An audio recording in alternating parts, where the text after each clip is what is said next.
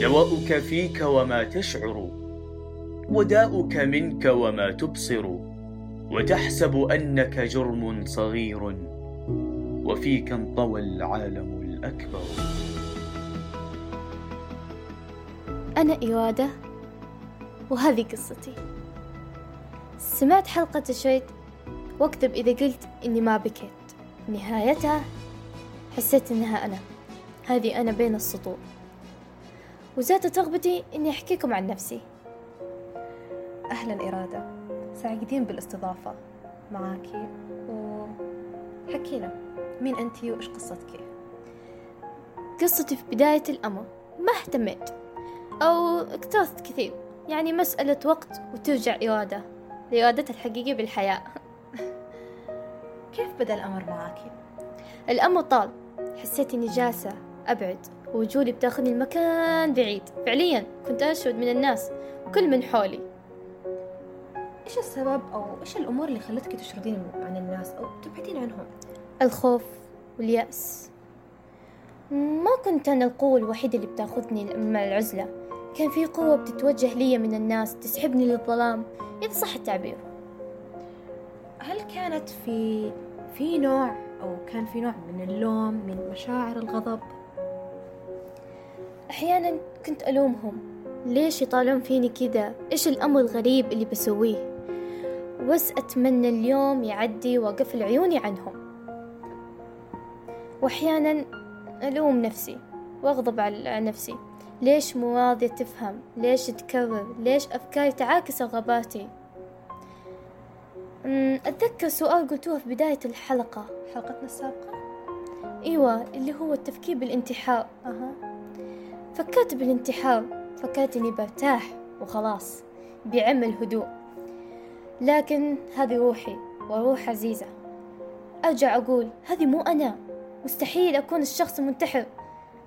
الفكرة مرعبة. إحنا إحنا آسفين لهذا الشعور هذه المشاعر اللي خالجتك. طيب ما كان في ما كان في رغبات أو أمور بتعاكس هذه الرغبة اللي هي رغبتك بالانتحار؟ تمنيت عين تطالع فيني من الجهة. صح تطالع وتشوفني عاية على حقيقتي ويد تنمد لي. بعد وقت من التشرد والشرود والتخبط في كل شيء. كانت هي نقطة التحول يعني؟ نعم أختي حصلتني وخرجتني من تحت تراكم الأيام. خرجتني على إني كنت أرفض. رافضة رافضة تماما. ترفضين إيش بالضبط؟ رافضة إني مجنونة. وأعترف. إنك مجنونة. نعم. وأعترف إن فيني خلل. كنت خايفة إن فكرة إني مجنونة. كنت مقتنعة. أو المجتمع أقنعني. أي شخص يعاني من اضطراب نفسي هو الشخص مجنون. أو بعيد عن ربه. يعني تشوفين أن المجتمع له دور. آه أيوة أكيد له دور كبير.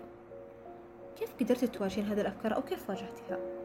أم متخيلة إنك تتقبلين فكرة إنك مجنونة. يعني الجنون له تشخيص الخاص مو الكل مجنون. وأعتقد أن أكبر عقبة ممكن يواجهها أي مضطرب نفسي بالعلاج إنه يفهم نفسه ويواجه الأفكار اللي تيجي حوله. أنا أخذت وقتي لحد ما فهمت. فهمت مين أكون وليش أنا مختلفة وإيش نوع اختلافي.